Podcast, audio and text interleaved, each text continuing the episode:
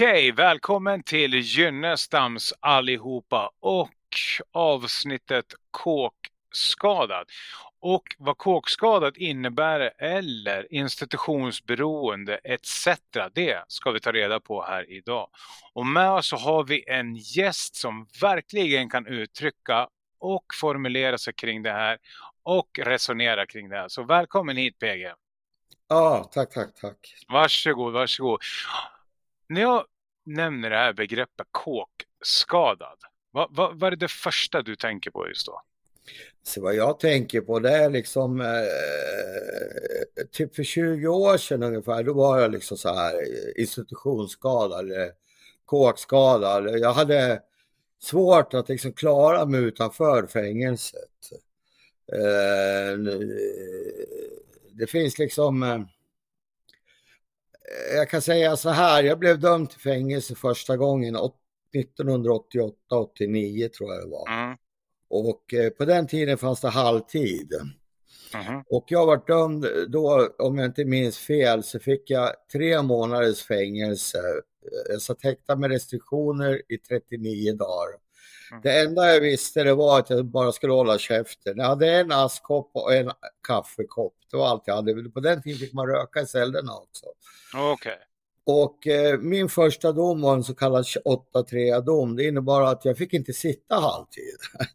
Men mm. mina andra målskamrater som var mycket äldre än mig, de eh, fick gå ut efter halva tiden. De, så att jag fick sitta längre än dem fast de var äldre. Och okay. eh, där vart jag även dömd som yrkesförbrytare, första straffet. Och det har kommit följt mig hela livet sen. Mm.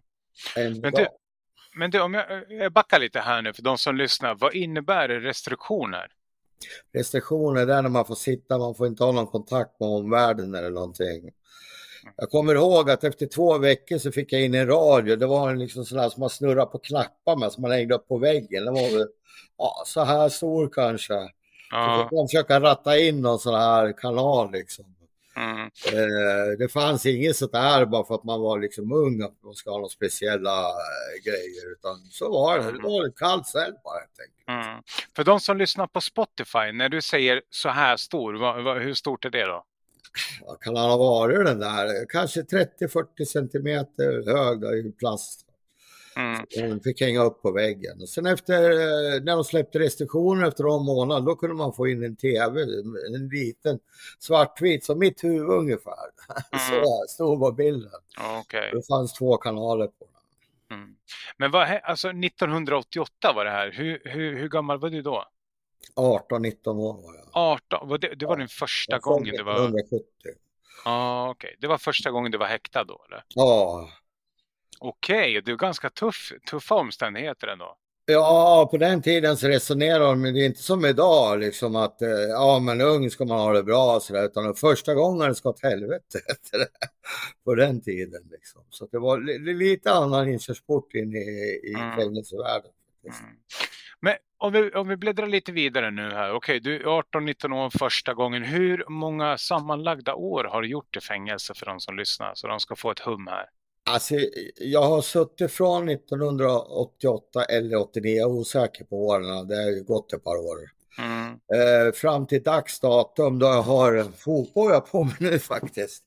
Eh, så eh, har jag nog gjort lite över 20 år effektivt. Mm. Och sen har jag inte varit i fängelse alla gånger utan jag har även varit behandlingar och sånt också. Men jag tror att jag är mm. dömd till cirka 20 år mm. sammanlagt. Mm. Det tror jag. Mm. Och jag, och jag tänker... I princip hela 90-talet så var jag väl inte ute så mycket utan då satt jag mest. Mm. Okej. Okay. Jag tänker så här, när, när man kommer in i det här, att, att man åker in och ut i, i fängelse, liksom, vad, vad är det som förändras i dig som människa då, liksom, om, om, om du tänker till? Så, så förändras, jag vet inte, man blir, eh, man blir ganska uh, hård tror jag. Jag var där på den tiden, idag är jag inte så, idag har jag blivit mjuk kille. Mm. Men uh, fram från 89 fram till uh, 2003 där så var jag väl inte en så fin människa utan mm. det var mycket isoleringar, knalltransporter.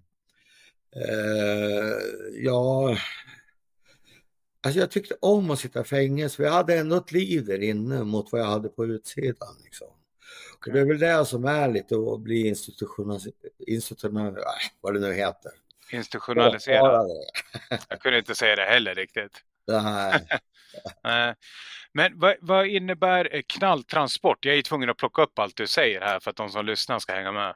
Alltså knalltransport, då kommer det in en fem, sex eh, plitar som vi säger, eller personal eller konstaplar. Och sen eh, tar de med en ut bara liksom. Eh, på den tiden så körde de mycket med att det är blommor i vakten och så gick man ut och då stod det bara en buss där och mm. så kör de en till en annan anstalt och anstalten är hemlig. Då. Okay. Och jag kan berätta en liten anekdot om det där faktiskt. Kör. Är det okej okay det? Ja, ja, ja. Jag fick, eh, jag, jag, vet inte hur gammal jag var, men jag skulle tippa att det var 94, 95 så här. Så fanns det någonting i Sverige då som kallas för stenschack. Och jag satt på Gävlekåken och jag hade precis fått in 30 gram av det här amfetamin plus att jag fick in 15 gram av någonting som heter Northern Light som vann cannabis cup-VM det året. Och det där gick jag och höll på tills jag fick lämna urinprov. Så fick jag lämna urinprov och så tog jag lite, ja ah, nu ska jag liksom dra igång och droga tänkte jag. Och så tog jag det där och sen eh, på morgonen så kommer de och ska ha till urinprov. Och när jag vart påkommen där, då vart jag så jävla skammad och förbannad. Så jag ju bara gick loss på Kvinspen och bara kallade henne för massa ord som man helst inte ska nämna här. Och mm.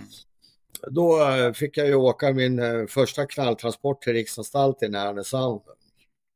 Men lyckades okay. på något vis få med mig de här grejerna upp till anstalten. Och sen när jag kommer dit så är det ju sent på kvällen jag kommer dit, blir inlåst.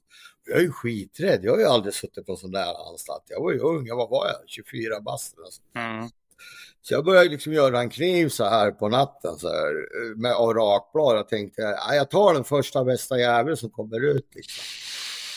Och så skar jag mig i fingret och så vart det en blodpöl nedanför och sen då hade jag liksom varit så nojig så jag hade stuckit hål i, i hörapparaten på väggen med en, med en liten tandpetare. Okay. Och när jag skulle flagga på uh, plitarna och säga att jag håller på att förblöda så det gick ju inte för jag hade ju förstört den här. Så jag fick knacka på uh, grannen som bodde ställen bredvid och okay. höll på att ringa på, jag håller på att förblöda här liksom.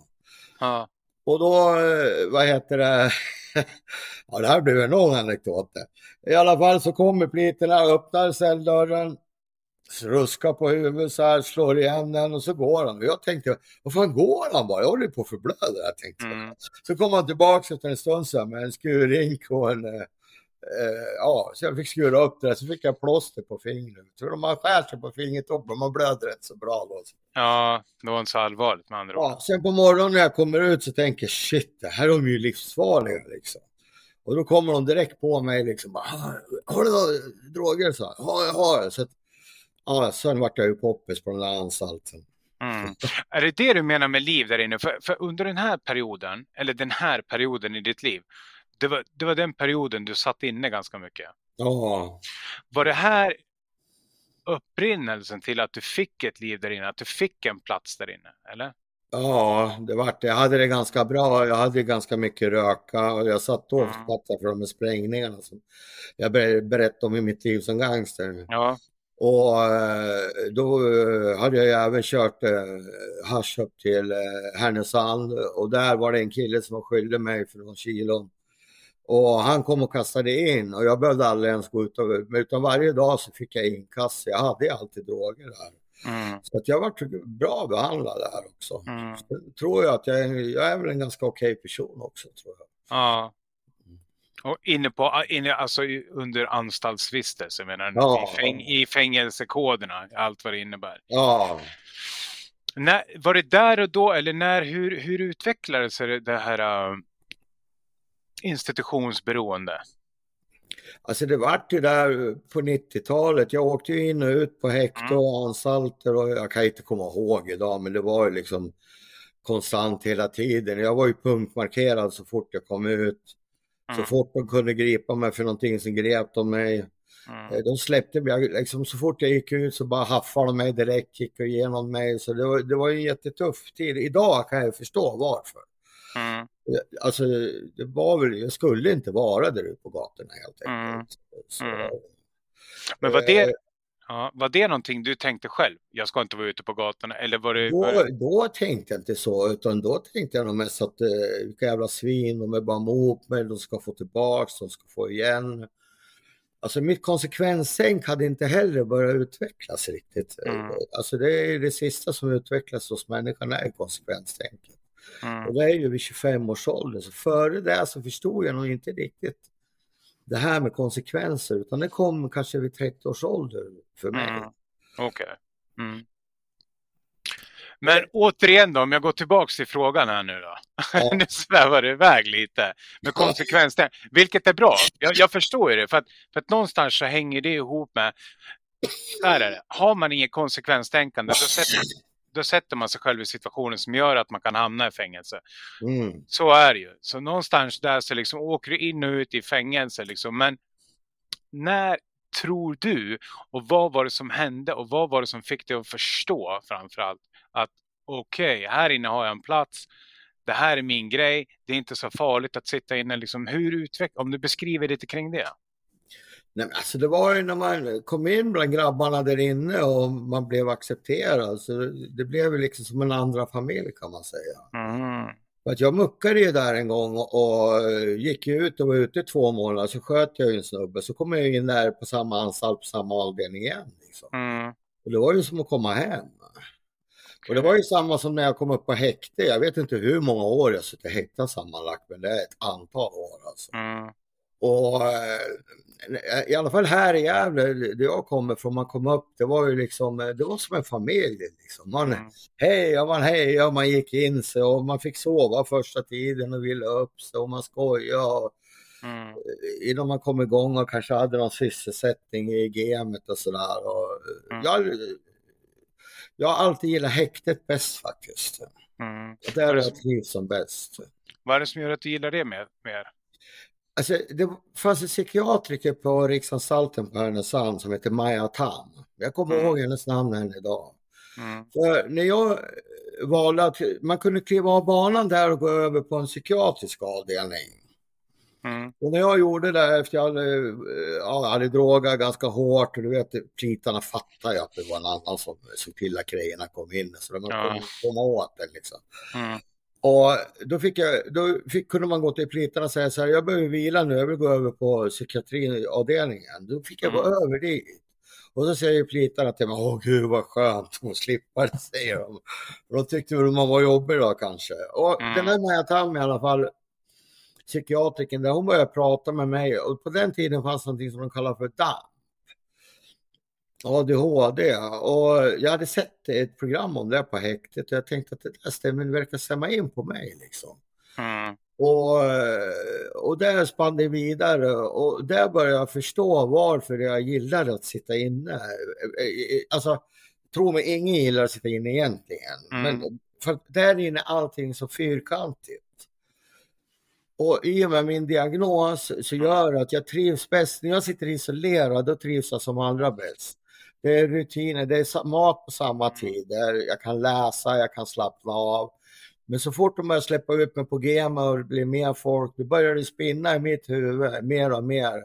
Okay. Och om inte jag kan liksom medicinera mig då, då blir det ju ohållbart för mig så att säga. Så att mm. Egentligen kan jag se så här idag, med min diagnos, ADHD-diagnos, så är fängelsemiljön perfekt för mig. Okej. Okay.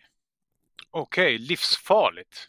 Tänker jag då. Ja, det här är livsfarligt. Ja, ja, men det tänker jag. För att, för att någonstans, liksom, om man känner att det här är min andra familj. Liksom, det finns förutsägbarhet här, det finns struktur, det finns rutiner, du kan läsa. Så liksom, livsfarligt, tänker jag. Hur blev det när, när du fick den här äh, diagnosen, liksom, när, när, du, när du under pågående anstaltsvistelse, liksom, vad, vad hände med dig då? Alltså när jag fick diagnosen så eh, kan jag säga att eh, med kunskap så kommer också visdom. Mm. När jag började förstå hur jag fungerade och varför jag fungerar som jag gör, då började jag förstå att det kanske finns en väg ut för mig här. Mm. Och det, kom och, det gjorde att jag sedermera kom att hamna på någonting som heter Sävik. Jag fick liksom lära mig mer om min diagnos och sånt där. Mm. Och för något sätt så handlar det om att man måste bli vän med sina demoner eller med sin diagnos. Man måste förstå sin diagnos för att kunna börja leva liksom. Mm. Och det här är nu, nu är det här 20 år sedan eh, mm. jag upptäckte det och fick veta att jag hade den diagnosen. Och då förstå så kunde jag börja förstå varför saker och ting var som de var. Mm. Varför jag tyckte om att sitta i fängelse till exempel. Det är mm. klart att jag ville väl helst vara ute som alla andra, men när man inte fungerar på utsidan, mm. när man fungerar på insidan, då förstår man att det något fel. Liksom. Mm. Men jag kunde aldrig sätta fingret på det. Men i och med att jag fick den här diagnosen så kunde jag också sätta fingret på det. Mm. Och jag kan säga att sista anstaltsstraffet jag satt nu på Täbyanstalten, då hade jag 11 anställda. Jag var den enda utav fångarna som jobbar varje dag. Alltså från att vara den som man bara låser in, knallar, till att jag satt och jobbade varje dag. Liksom. Mm. Det är rätt så fantastiskt. Mm. Ja, otroligt när du pratar om det här med att du fick din diagnos och, och samtidigt så tycker du om att sitta inne men samtidigt så, så, så tänker du så här okej okay, det finns en väg ut härifrån. Det låter verkligen som du var splittrad, som att du hade verkligen en kluven bild av dig själv och vem du var och vart du skulle vara framförallt. Ja, alltså jag säger så här, min dröm om att bli någonting i gangstervärlden den hade ju grusats där för länge sedan. Mm. Liksom. Och. Jag var liksom en narkoman och men eh, tycker inte jag fick plats i samhället heller. Men där inne hade man åtminstone en identitet om man säger så liksom. Mm. Eh, man kunde hänga med grabbarna där, det var rätt så trygg miljö också faktiskt. Mm. Men det har ju också förändrats i fängelserna mycket. Mm. Det är inte som det var förr längre. Mm. Nu vet ju jag att det, okay, det där var 20 år sedan du fick den insikten, den kunskapen och den diagnosen. Men Täbyanstalten, vilket år var det? Det är två år sedan, tre år sedan. Ja, ja det är det jag menar. Ja, på vilket sätt har det förändrats då? Eh, sen eh, Täby? Ja, eller sen... Sen, sen, sen 20 år tillbaka. Ja, jag kan ja. säga så här, jag har gjort tre behandlingar på eh, Säviks eh, behandlingshem. Nu gör jag lite reklam för dem, men det spelar ingen roll. Jag tycker det var bra, för där började jag liksom kunna titta på mig själv. För innan mm. det så var det alla andras fel. Ja, okay. Jag hade ingen del i någonting liksom. Mm. Och, och, men det, det, det, tog mig 30 år att förstå. Jag var ändå var 33 år. Mm. Och jag var på Sävik faktiskt sista gången 2017 här. Okay. Så det är inte så många år sedan. Nej. Det har alltså tagit, den, det har tagit mig, från den dagen jag bestämde mig för att försöka börja lämna det här gamla livet, eller kåk, institutionsskadorna, allting, så har det tagit mig nästan 20 år att komma dit jag är idag. Liksom. Mm. Och då sitter jag ändå med en fotboja idag. Ja, ja. den grejen. Men bara Men jag... att jag får sitta med en fotboja, det betyder att jag börjar bli insläppt i samhället. Mm. Och för mig är det en fantastisk känsla. Mm. En fråga jag har nu, nu blir det här en generalisering, kraftig sådan, men du har ju suttit väldigt många år. Du har suttit mm. med väldigt många personer och mm. utifrån din kunskap om din diagnos kan du uppleva att när du fick kunskapen om ADHD då, kan du tänka sig att okej, okay, den personen, den personen, är det vanligt förekommande bland människor som sitter i fängelse idag? Tror ja, du? Jag skulle, jag skulle vilja påstå att Ja, nu har ju tiderna förändrats lite, men säkert 70-80 procent av de där inne har någon form av diagnos. Och det behöver inte bara vara ADHD, utan det är eh, autism faktiskt, svår autism, eh, Asperger, eh, människor som inte har hittat sin plats i samhället, men har någon form av diagnos. Jag kan säga så här, efter det här 2003 så startade de det Norrtäljeprojektet. Mm. Då hade de en hel avdelning där de utredde ADHD och började medicinera. Och det var ett ganska lyckat projekt om jag inte minns fel. Mm. Sen har ju Sverige kommit, det har ju kommit mycket kunskap om i det här, så jag hoppas inte att det faller bort det här. Mm. För många som sitter där har neuropsykiatriska funktionshinder. Okej, okay, okej, okay, okej. Okay. Det är spännande. Vi ska prata mer om det här efter pausen och vi ska prata mer specifikt om egenskaper, tillkortakommande, svårigheter ska vi prata. Så stay tuned!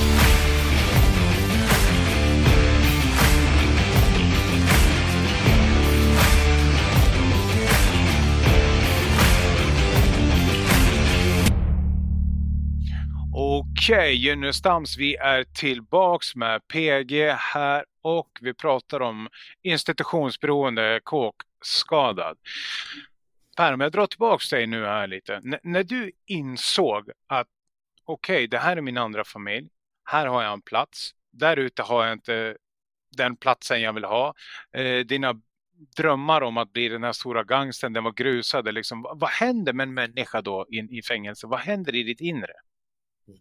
Jag kan säga, att jag tänkte på det här i pausen här också, att eh, man var rätt så traumatiserad där inne. För att det låter som att det var guld och gröna skogar där inne, det var det inte, utan det var ständiga visitationer. Eh, dag och natt. Eh, dagtid, då fick vi gå upp en våning till livstidarna som vi brukar säga, för de hade en egen våning ovanför där jag satt.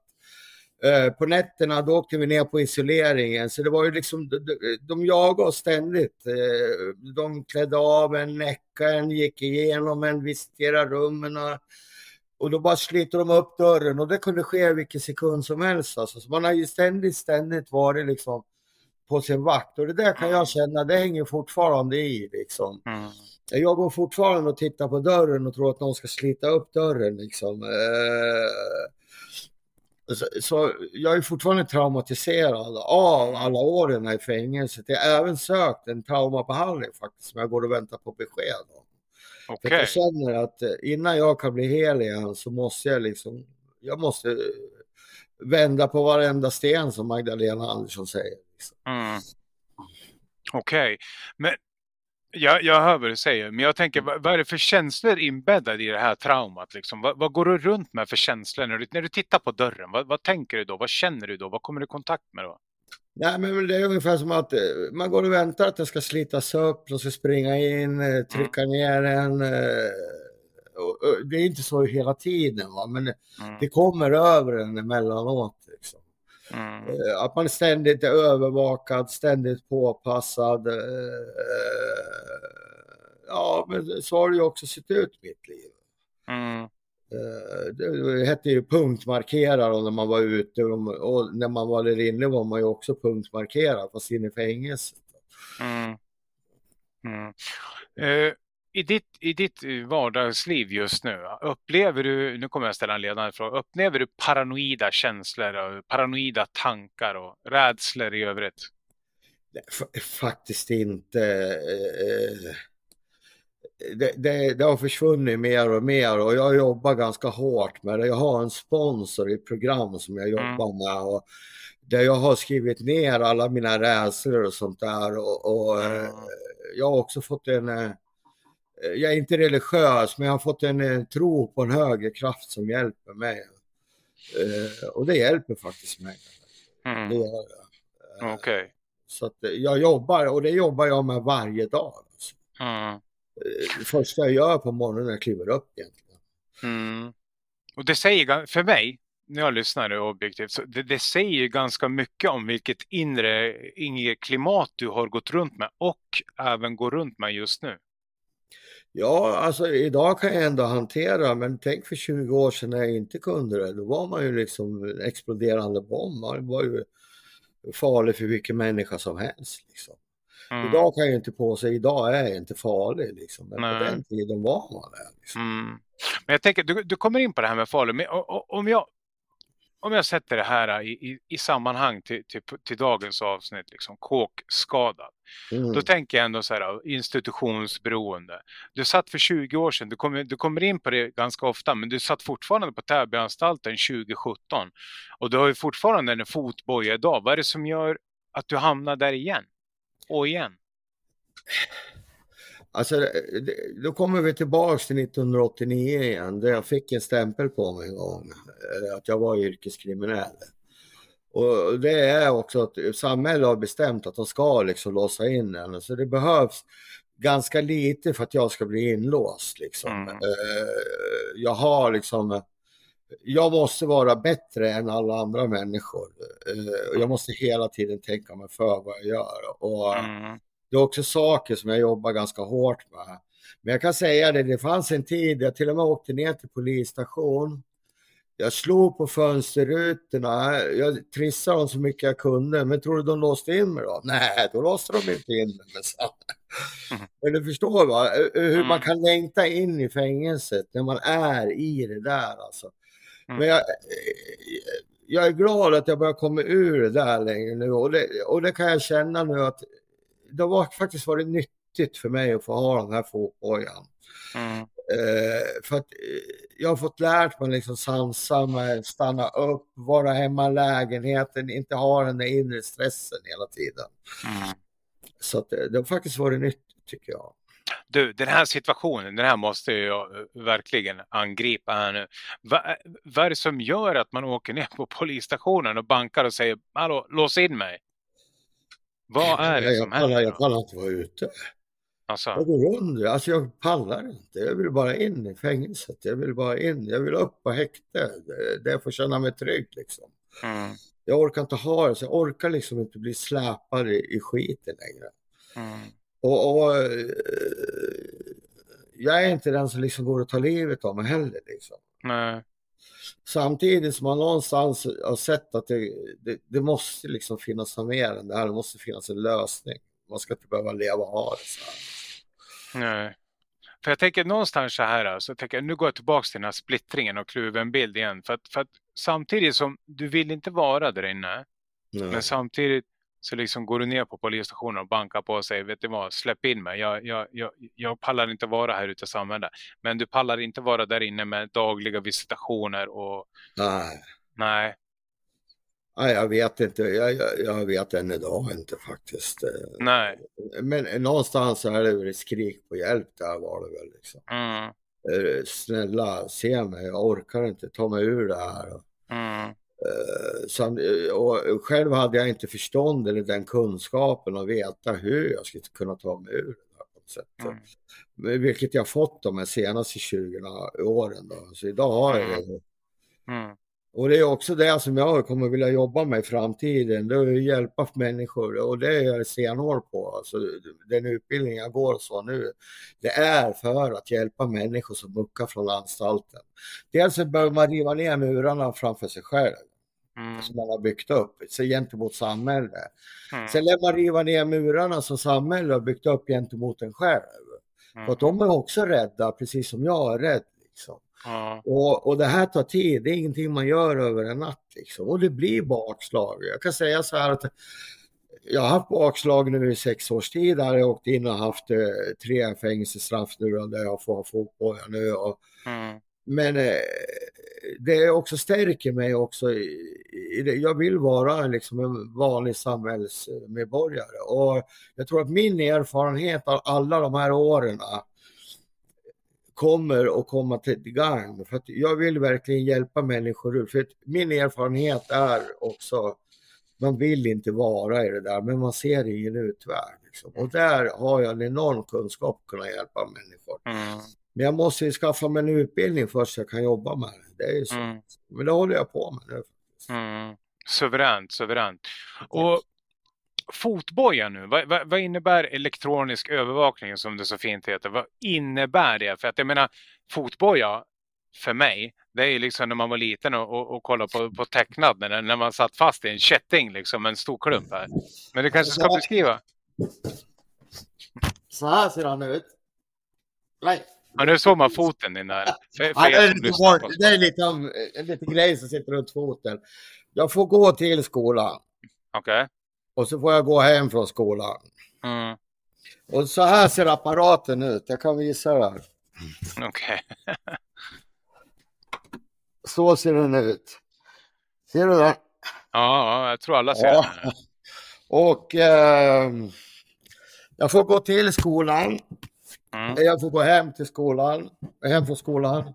Jag får jobba, för jag jobbar ju också. Så jag jobbar varannan helg för att göra. Och jag har 20 minuter på mig till skolan, 20 minuter hem från skolan. Oj då. Och så får jag en timme på onsdag som jag får vara ute utanför lägenheten. Och sen måste jag hela tiden vara inne i min lägenhet. Mm. Och nu i helgen så hade jag tre, nu har jag haft den över en månad, så jag fick tre timmar på lördag, tre timmar på söndag då, som jag fick mm. få ut. Mm, okej. Okay. Mm. Men hur är det, hur, en fråga här nu. Spontant. Kommer de nästan varje dag så får jag blåsa sådär också. Ja, det är bra. Men ja. hur är det att sitta i fängelse i sitt hem? Alltså jag tycker just nu tycker jag det är lite schysst faktiskt. Ja, okej. Okay. Ja. Sen är det ju skönt också för att i och med att jag har brutit med det gamla så är det nästan ingen som kommer hälsa på mig längre utan jag är liksom inne i en fas i mitt liv där jag håller på att skaffa mig nya vänner och, och jag har ju många av mina gamla vänner kvar liksom men de vill, de vill ju också se att de kan lita på en att man mm. verkligen eh, gör det man säger. Mm. Så att just nu så är det de som kommer hälsa på mig, det är ju liksom frivården. Mm. Okej, okay. men hur, alltså, när man har den elektroniska övervakningen här nu, är det inte lätt att man bara glömmer bort den? Att man, jag ska gå ut och ta en promenad eller jag ska gå ut och ta lite luft eller jag ska gå ner och handla någonting. Jo, det har ju hänt. Ja. Inte sådana här, men jag, jag, tror jag sprang ut fem minuter för tidigt en gång. Okay. Jag har haft uh, tapetserarna här så att jag har bott i en sån här byggarbetsplats. Liksom. Mm. Och normalt då så har man ju kunnat åka till någon vän eller till familjen och varit där under tiden de har renoverat lägenheten. Mm. Det har inte jag kunnat gjort så jag har fått bott i dammet. Jaha, okej, okay. därför det hostar så mycket nu då? Ja, det här är det faktiskt. Jag har eh, dammat och sånt, men det kommer ner ändå sen. Men vad händer när man går ut? Vad händer när man går ut de här fem minuterna? Eller vad händer när man går utanför dörren? Går det någon larm eller, eller vad liksom? Nu ringer de upp en på en gång och frågar eh, vad det handlar om.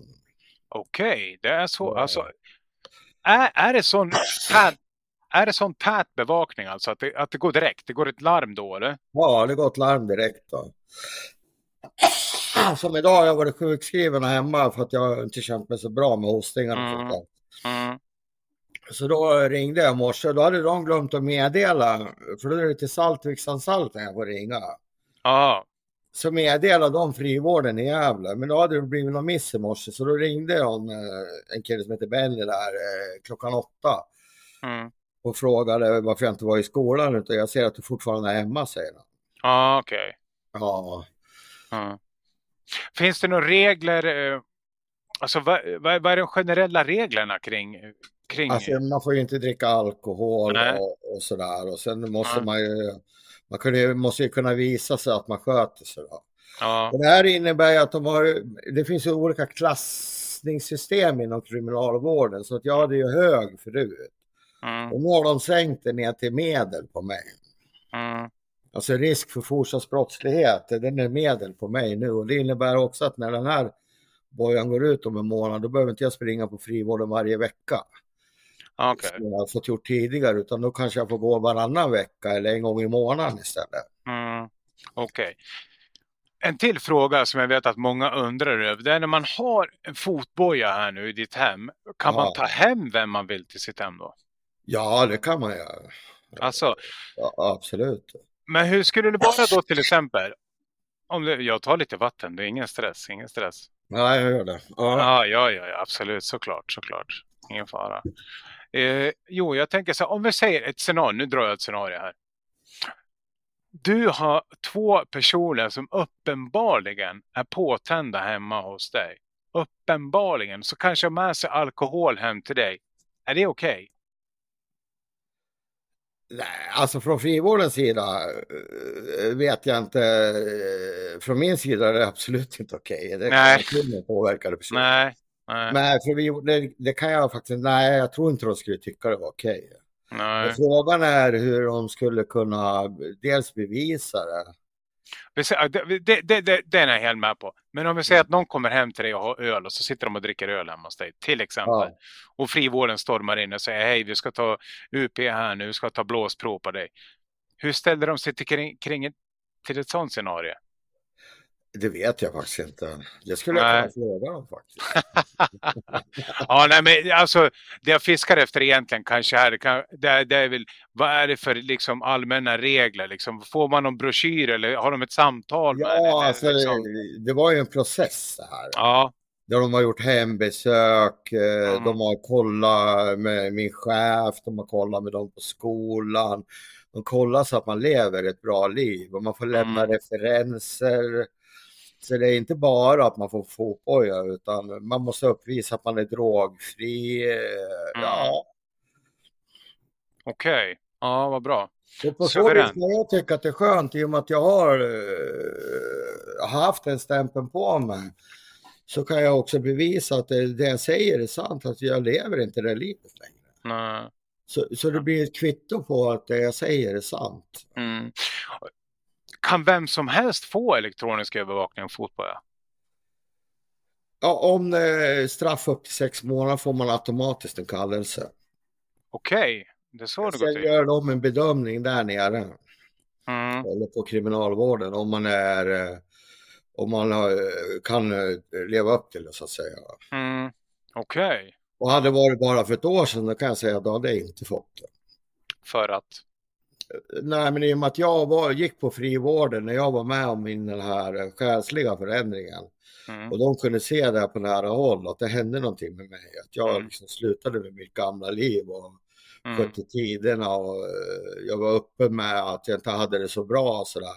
Mm. Och, och uh, jag valde att liksom gå ifrån min bostad och kliva av liksom mitt missbruksliv. Så fick de också förtroende för mig. Liksom. Mm. Okej. Okay. Och hur, då, då kommer jag osökt in på frågan. Hur länge har du varit avhållsam från droger, alltså drogfri? Alltså faktiskt, jag hade sex månader här för ett tag sedan. Så att... Ja, grattis. Ja, grattis. tack. Jag är jävligt stolt över det. Ja, jag förstår det. Ja. Och hur länge, hur länge ska du ha den här fotbojen? En månad till, sjunde En månad till. Vad händer sen liksom? Hur, hur fortsätter processen efter man har fribå? Är man helt fri då? Eller? Nej, då kommer jag få ha övervakning i ett år. Okej. Okay. Men sen kommer det inte vara lika intensiv som jag haft innan. Uh. Men det första som händer är att du ska följa med på ACDC på musikhuset. den blir alkoholfri den här gången. Okej, okay, jag lovar det. Jag ska hänga ja, med den. Nu har jag bevis på det här. Ja, jag lovar det. Jag gör det. Jag ja. lovar att jag ska göra det. Okej, tror du, nu kommer jag komma in på en summerande fråga här. Tror du att, för nu har du suttit in och ut, in och ut, in och ut. Tror du att det här är sista gången du, du, du kommer ha med frivården eller kriminalvården att göra?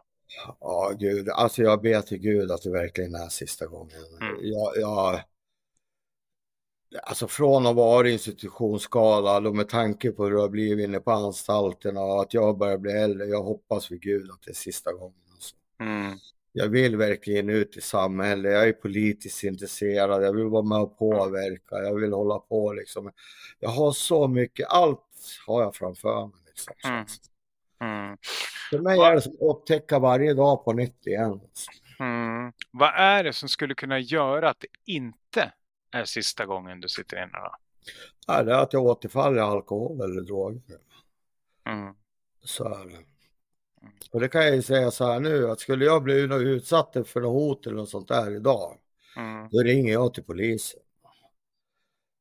Och det är jag på det klara med. Jag har ju aldrig gjort någon gång i hela mitt liv. Någon, mm. någon skulle utsätta mig för någonting. Mm. Då tänker jag använda mig av de rättsliga system som finns. Jag lever inte det här livet längre och då måste jag rätta mig efter det som finns också. Så då har jag mm. fått sagt det också. Mm. Jättebra. Tror du, alltså det finns, ju, det finns ju någonting som får dig att säga det här. Det är någonting i din personlighet som gör att du just säger det här. Vad är ja, det? Det är att jag vill, jag vill visa att jag har avslutat mitt gamla liv. Mm. Att jag är inte PG längre utan jag är Per. Mm. Mm. Suveränt. Ja men tack så hemskt mycket för att du tog dig tid. Absolut, jättespännande har det här varit. Ja. Är det någonting du skulle vilja säga avslutningsvis? Nej, men att jag tycker att du gör det bra, jag tycker att jag gör det bra och jag älskar gärna. Okej, okay. du får ha det så bra. Okej, okay. ha det bra allihopa. Hej! Hej, hej.